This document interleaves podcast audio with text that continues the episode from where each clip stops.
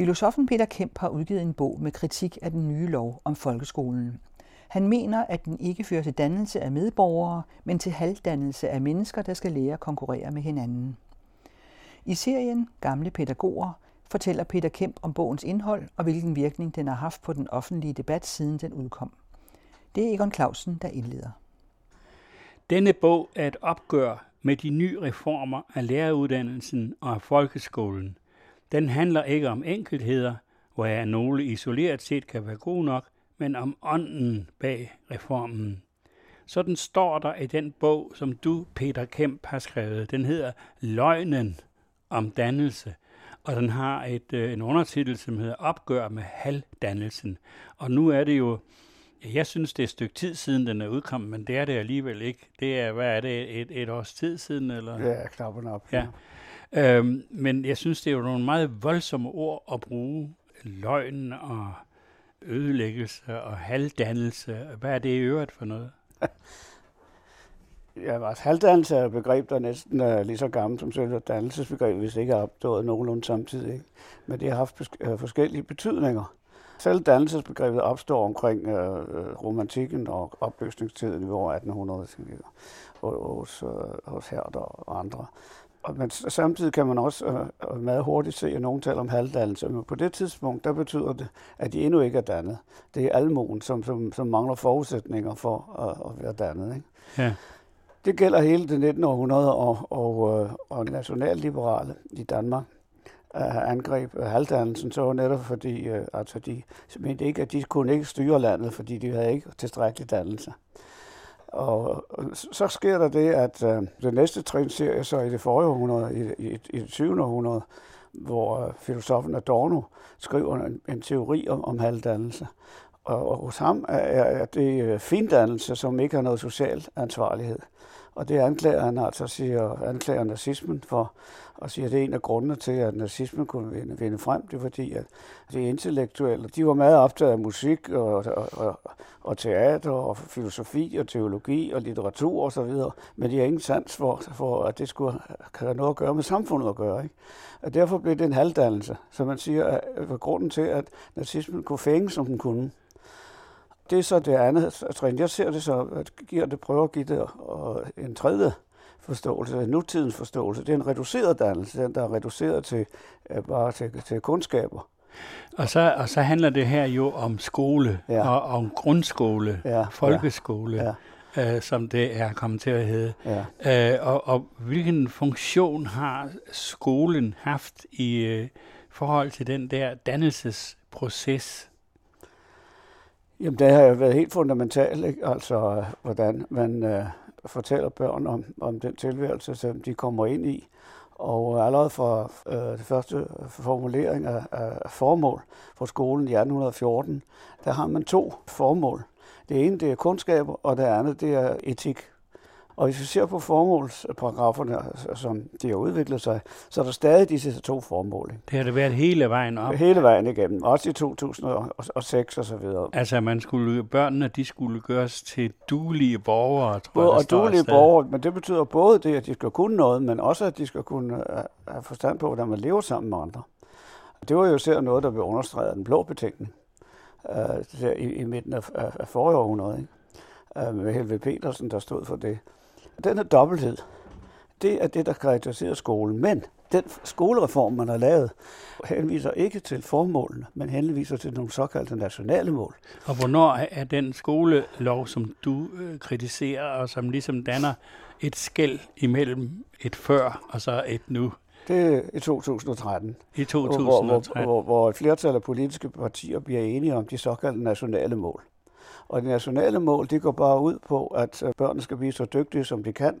Vi skal få de svageste med, og det skal de så have nogle vilkår, som, som gør, at, at de bliver så dygtige, og vi får de svageste med. Men hvis man ser på formålsparagrafen, så står der dog noget om, at de skal opdrages også til at fungere i et demokrati. Ja, men det står der ikke i det nationale mål. Og det er det, der er interessant ved, at det nationale mål fuldstændig negligerer den del af formålsparagrafen. Og øh, den nye skolerevision har så været opbygget på basis af de nationale mål. Ikke?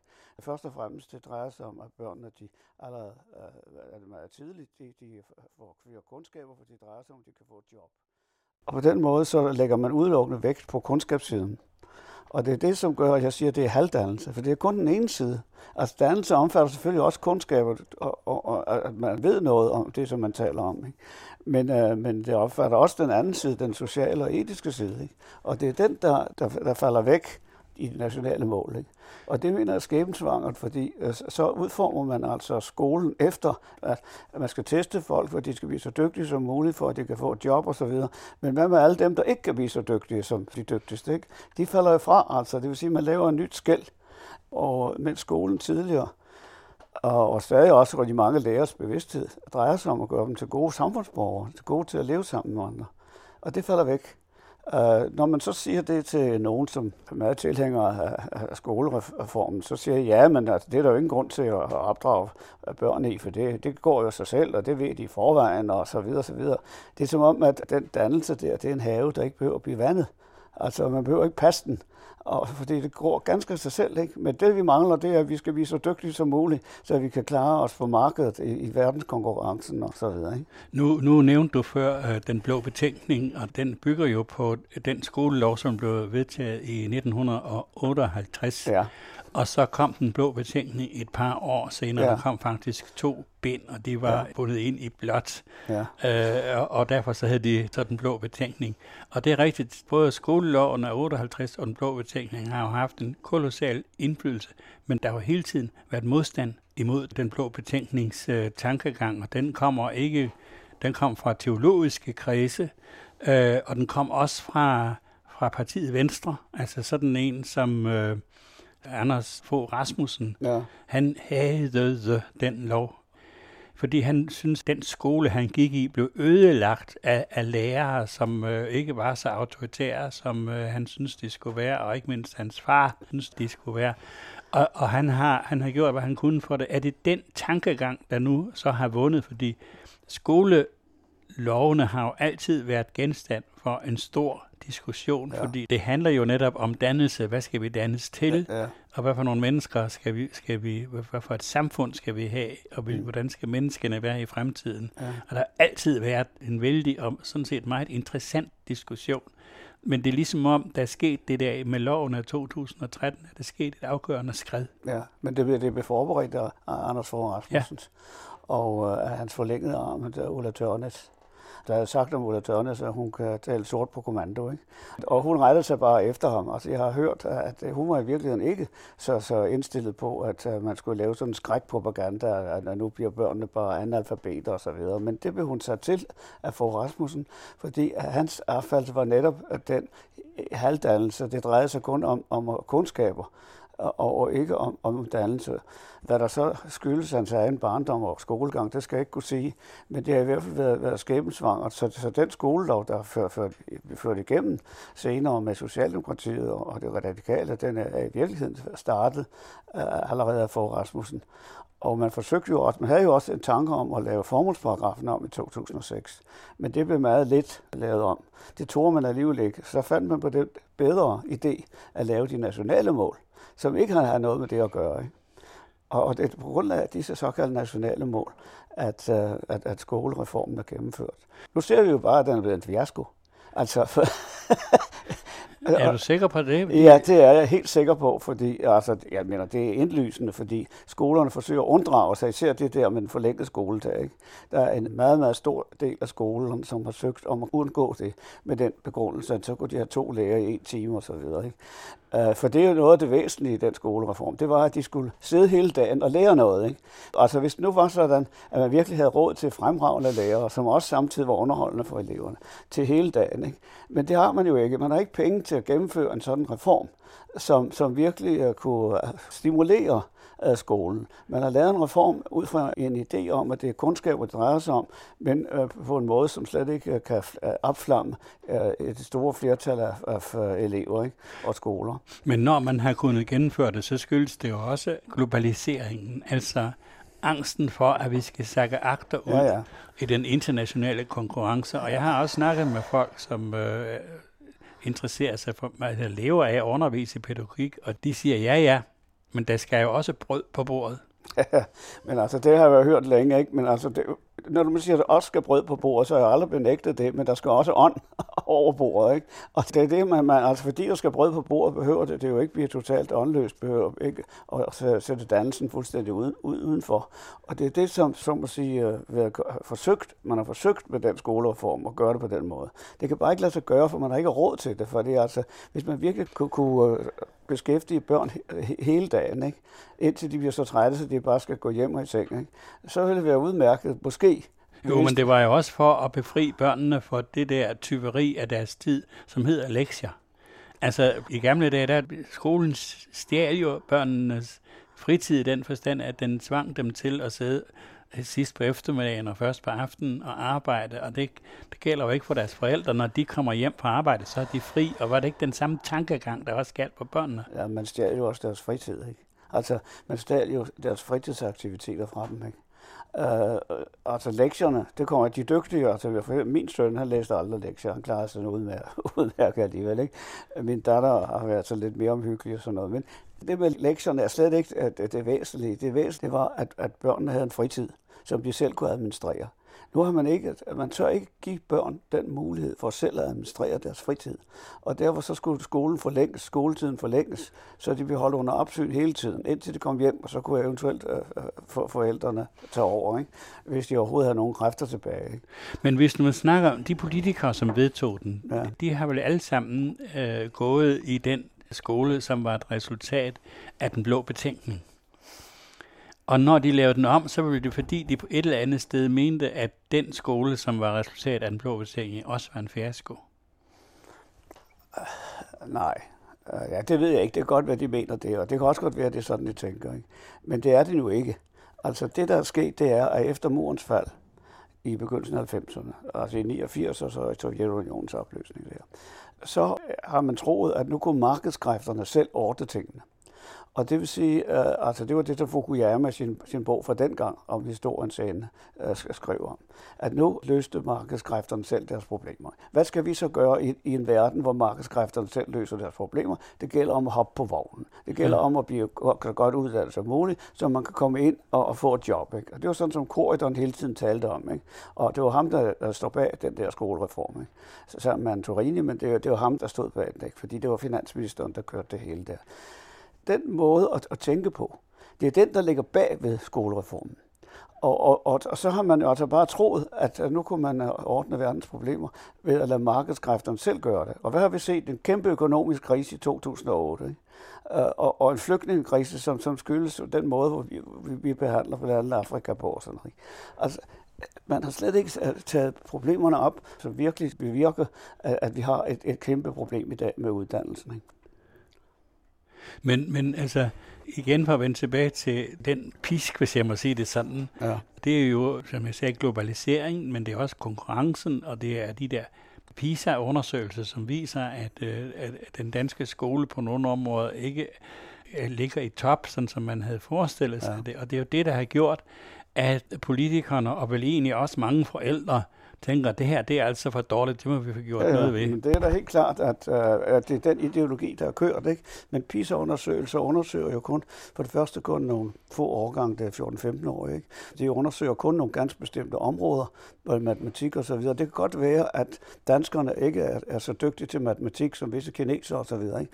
Men det betyder jo ikke, at uddannelsen som sådan er dårlig i forhold til det. Altså at, at man så ligesom skulle skyde selve dannelseselementet ud fordi øh, øh, at øh, man skulle på, på højde med kinesere, eller hvem der nu var. Ikke? Og det er derfor, vi er havnet der, hvor vi er. Ikke? Fordi man har tænkt på den måde. Ikke?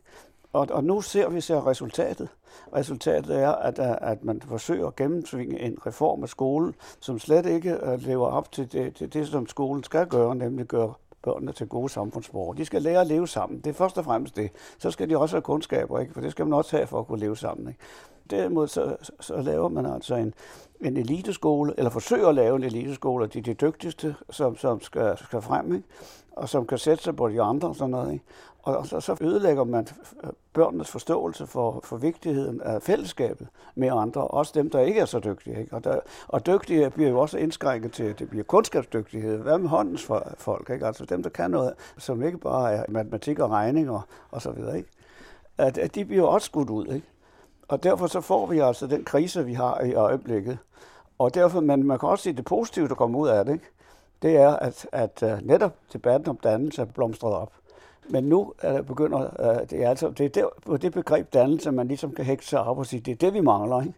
Og derfor tror jeg, at der kommer også noget positivt ud af det, fordi der er sket så, så meget, som man ikke bryder sig om. Så nu satser man på at uh, prøve at se på, hvad skal skolen gøre? Den skal danne samfundsborgere ja. til socialt ansvar. Det er det, den skal gøre. Og hvis ikke den gør det, så svigter den sin, sin opgave. Men når man taler med skolefolk, som hvoraf praktikerne, altså dem, der står ude sammen med, med, med eleverne og børnene hver dag, så, så vil de jo på et langt stykke af vejen synes, det her det lyder fornuftigt.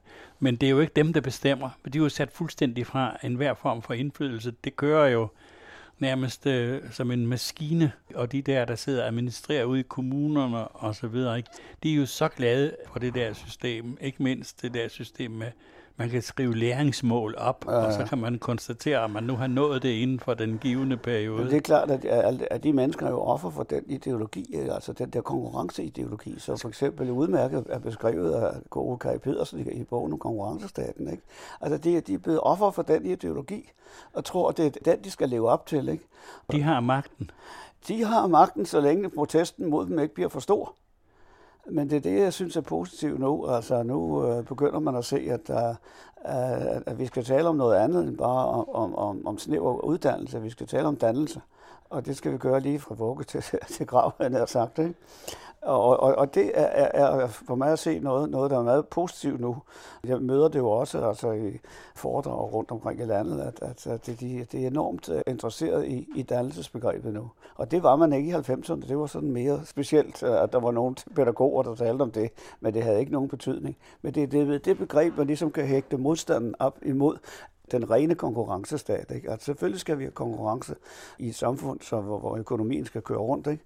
Men at gøre det til det hele, og, og gøre arbejde, som Ove Kaj Pedersen gør, til, den, til det, det højeste ideal. Det, det drejer sig om for ham, det er bare det, at man skal arbejde. Det er hans højeste værdi. Det kan jeg ikke se. Men det gælder der stort set sådan i hele samfundet, ikke? at arbejde det er den nye øh, frelsesreligion. Ja. Ikke? Og når der kommer fremmede til landet, det første, de skal have, de skal ikke omvendes til specielt at være kristne, men de skal omvendes til den der, de skal have arbejde. Ja, ja, de skal omvendes til arbejdsideologi. Ja. Men altså, det er jo karakteristisk, det hænger sammen alt sammen. Ikke? Og i, i den ideologi, at det gælder om at, at, at finde et arbejde og få et job, og så det er der, man, man er fuldbyrdet til sin tilværelse og sådan noget. Ikke? Og, og det er enormt ensidigt. Jeg har ikke sagt, at arbejde ikke betyder noget. Jeg har bare sagt, at hvis det bliver det hele, så har vi en halvdannelse. Så har vi altså kun det kunskabsmæssige aspekt. Og, og, og altså, om det så er, at du kan bruge dit hjerne, eller hvad du ellers er. Ikke? Nu er det et lille års tid siden den her bog udkommet, ja. eller deromkring. Det er måske ikke så meget. Hvad har den forårsaget? Hvad har den gjort, den her? Hvordan er den virket ud i offentligheden? Det er svært at sige, fordi øh, ja, det er kommet i tre oplag nu. Det er jo altså virkelig sjældent for en fagbog. Som ja, og til trods for, at der fik ingen anmeldelser i de store aviser, Politikken, Berlingske Tiden og Jyllandsposten. Jeg fik en meget stor omtale i, i Politikken med en kronik og en debat inde på Politikken, men de har ikke haft nogen anmeldelse af den. Den er blevet anmeldt i, i, i provinsaviser og i, i, i uh, forskellige tidsskrifter, hvor fagpædagoger og så videre deltager. Ikke? Ja, men på trods af det, eller hvad man nu skal sige, det betyder måske ikke så meget, som man tror. Nej. Det tror jeg heller ikke, det gør. Og så den kommet i tre oplag, og hvad mere? Jamen altså, jeg kan jo ikke se andet end, end at, at den bidrager, som man sige, til uh, en, en ændring i mentaliteten. Og jeg kan også, altså, jeg har jo også stærkt i den bog angrebet den ideologi, der lå bag uh, Thorning Schmidt og måde at, at tænke på Socialdemokratiet på. Ikke? Og uh, den sidste, den tale ved, ved det sidste uh, landsmøde for Socialdemokraterne, der er det, det nye formand jo en helt andre toner. Hun siger, at vi skal tilbage til de socialdemokratiske værdier osv. Det vil sige, jeg tror, der er en debat i gang for at se, jamen altså, vi har været alt for ensidige i, i satsning på verdensmarkedet osv. Ikke? Og det er ikke det, som, som fremmer uh, et, et samfunds uh, uh, sammenhold og, og virke. Og, og jeg tror altså, det, det er ikke kun den bog, der er mange andre, ikke? men den er bare ligesom et symptom på, hvad der er i gang. Har du været ude og diskutere med og holde foredrag og sådan noget? Ja, ja, bestemt. For mange lærerforsamlinger og, og, og gymnasier og skoler og så videre. Og, og så friskolerne er meget, er meget begejstrede for min bog.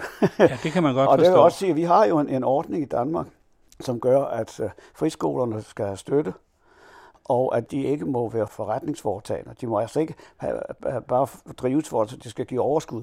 De penge, som en friskole får ind, skal bruges til, til, til selve skolen. Ikke? I modsætning til for eksempel til, til Norge og, og, og Sverige, øh, der må man godt være lave det som, som forretningsvirksomhed. Men det må man ikke i Danmark, og det må man ikke i Finland. Og hvad og betyder har, det? Jamen det betyder jo for eksempel, at man ikke satser på, om det nu giver, tjener penge, men om, om man, man får, bliver en god skole. Og derfor så er der også øh, mange lærere, har kunne glide over i, i de friskoler, og der kommer flere og flere. Ikke? Og, og resultatet er jo bare, altså det er virkelig farligt for, for folkeskolen, og jeg tilhænger folkeskolen, øh, sådan sige i princippet. Men jeg synes, at det er godt, at, øh, at friskolerne bliver, bliver styrket, for det gør nemlig, at man bliver nødt til at tænke sig om. Bliver efterhånden halvdelen af, af, af, af skoleområdet øh, dækket af friskoler. Men altså, så, så, og det kan man ikke hindre, fordi vi har den der lovgivning, vi har den tradition, at man skal have, have, have mulighed for at, at lave andre former for skoler, som ikke er bundet af de nationale mål, som jeg talte om her. Har du også øh, været ude og diskutere med nogen, som mener noget andet end dig? Ja, altså jeg blandt andet diskuterer med Ove Kaj Pedersen, ikke? Ja. og så, som er så på sin vis er min gode ven og så videre, og det møder jeg jo samtidig. Men samtidig kan man også have en fornemmelse af, at, øh, at de er lidt svært ved at, at vil acceptere at skulle diskutere de der ting, ikke? fordi de, de håber, det stadig bare en selvfølgelighed, deres øh, konkurrenceideologi. Ikke? Og så jeg angriber jo meget stærkt i den bog, øh, Jens Rasmussen, som er professor i DPU, for, for, for de tanker, han har lagt frem om kompetencer osv. Og, og han går ikke ud i diskussion. Han har været venlig og takket for bogen, men han går ikke ud i diskussion. Andre gør det måske, men øh, jeg tror, de, de er meget nødt at gå ud i en debat, hvor de godt ved, at de bliver nødt til at, at tænke sig lidt om, og ikke bare kan køre videre i den ideologi, de står i. Altså Jens Rasmussen var jo i sin tid øh, aktiv i den forening, der hed Unge Pædagoger. Mm. Og øh, der var der der i 70'erne en periode, hvor, hvor nogen var meget optaget af det, der hed struktureret pædagogik, mm. som var en øh, pædagogik, som... Øh, ja, der kom bøger, der blev holdt kon. Det gør der jo altid, når der kommer nogle nye idéer. Og øh, det er en pædagogik, som i meget høj grad var inspireret af sovjetisk tænkning omkring ja. børn. Ja. Og øhm, øh, folk, der har forstand på sagerne, de siger, at det, der kører nu, er i virkeligheden en videreførelse og en udbygning af nøjagtigt den samme tankegang, nemlig at man kan styre, og man kan stille mål op, og man kan måle, og man når hen til det, osv. Og det er jo en, øh, en, en meget grov anklage. Jo, men jeg er meget enig i den. Altså, man kan selvfølgelig ikke bare lige sige, at det er rigtig kommunisme, der bliver indført, men altså måden... Og, Nå, men jeg sagde også sovjetisk. Ja, ja, og altså det der med, at, man, man, at det gælder om, fordi man har opdaget, at pædagogikken er enormt vigtig.